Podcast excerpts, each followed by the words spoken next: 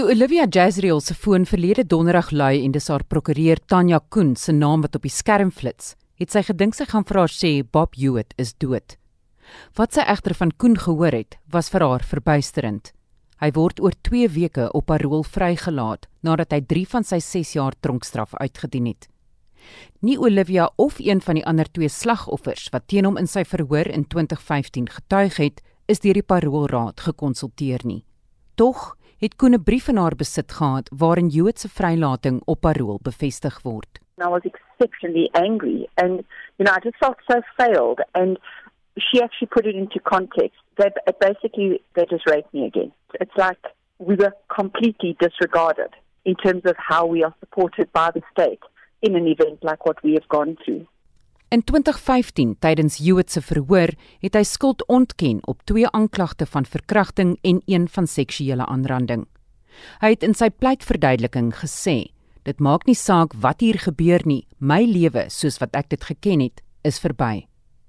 Maar die lewens van sy slagoffers was in hulle oë en realiteit lankal reeds verby. Hewitt, 'n Grand Slam wenner wat in die internasionale heldesaal vir tennis opgeneem was, is skuldig bevind aan twee aanklagte van verkrachting en een van seksuele aanranding. Hy is weens sy gevorderde ouderdom, toe 75 jaar, 'n vonnis van 6 jaar tronkstraf opgelê. Die seksuele misdade het tussen die 1980s en 1990s plaasgevind. Hewitt is in 2012 onbepaald uit die internasionale heldesaal geskort weens die beweringe teen hom.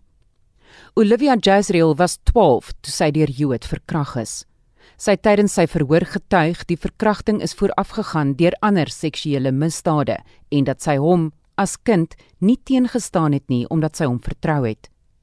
Haar pad oor die afgelope 4 jaar om emosioneel te genees was nie 'n maklike een nie en hierdie verwikkelinge het dinge vir haar tot 'n lelike stilstand gebring.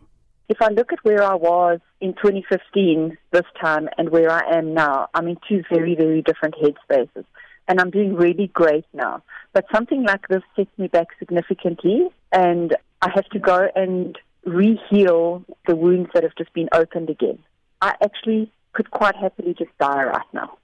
Die publisiteit het na die verhoor so aan haar bly kleef dat 'n werksoekagentskap vir haar gesê het geen maatskappy sal haar sommer aanstel nie.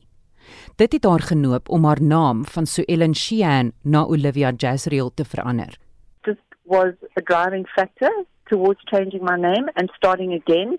And within three weeks of changing my name, I got the most incredible job, and I'm doing great now. Haar nuwe van, Jazriel, het sy saamgestel uit die name van haar kleinkinders met wie sy geen kontak het nie, omdat haar seun en ouers haar afgeskryf het omdat sy nooit die beweringe teen Hewitt wou laat vaar nie. Sy en haar seun is uiteindelik verlede jaar versoen.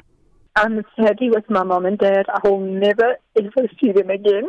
Um, But I saw my son in December last year for the first time in 10 years, and our relationship is as solid and strong as anything at the moment. And I'm very happy to say that this morning one of my aunts contacted me, and it made me feel like I belong again. Oor Hewitt het sy geen goeie woord te sê nie en sy meen hy word selfs as 'n gevangene deur die stelsel beskerm. I hate him. I hate his wife. I think I hate him even more because it feels like he seems to be the privileged one. You know, his feelings are taken into account, his rights are taken into account, his health is taken into account. I have been so sick the last year as a result, as a direct result of burnout from his last parole application. And I'm just getting better. And I know I'm going to get sick again.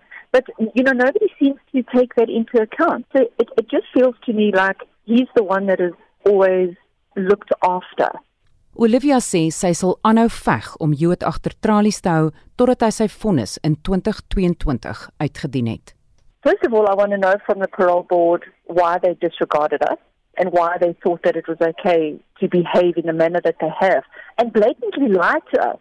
I mean, the trauma that they've caused us over the past few, few days is, is, is unbelievable. They've been working with Hewitt and putting him on, they claim, rehabilitation programs and all kinds of things. I've never been put through a rehabilitation program, and perhaps they should put me through a rehabilitation program so that I can also deal with what's happened to me. En tot dan, sê sy, sal sy weer stadig begin herbou aan haar lewe, net soos wat sy in die jaar van die verhoor die eerste keer na 24 jaar weer begin tennis speel het. Ek is Estie de Klerk vir SAK nuus.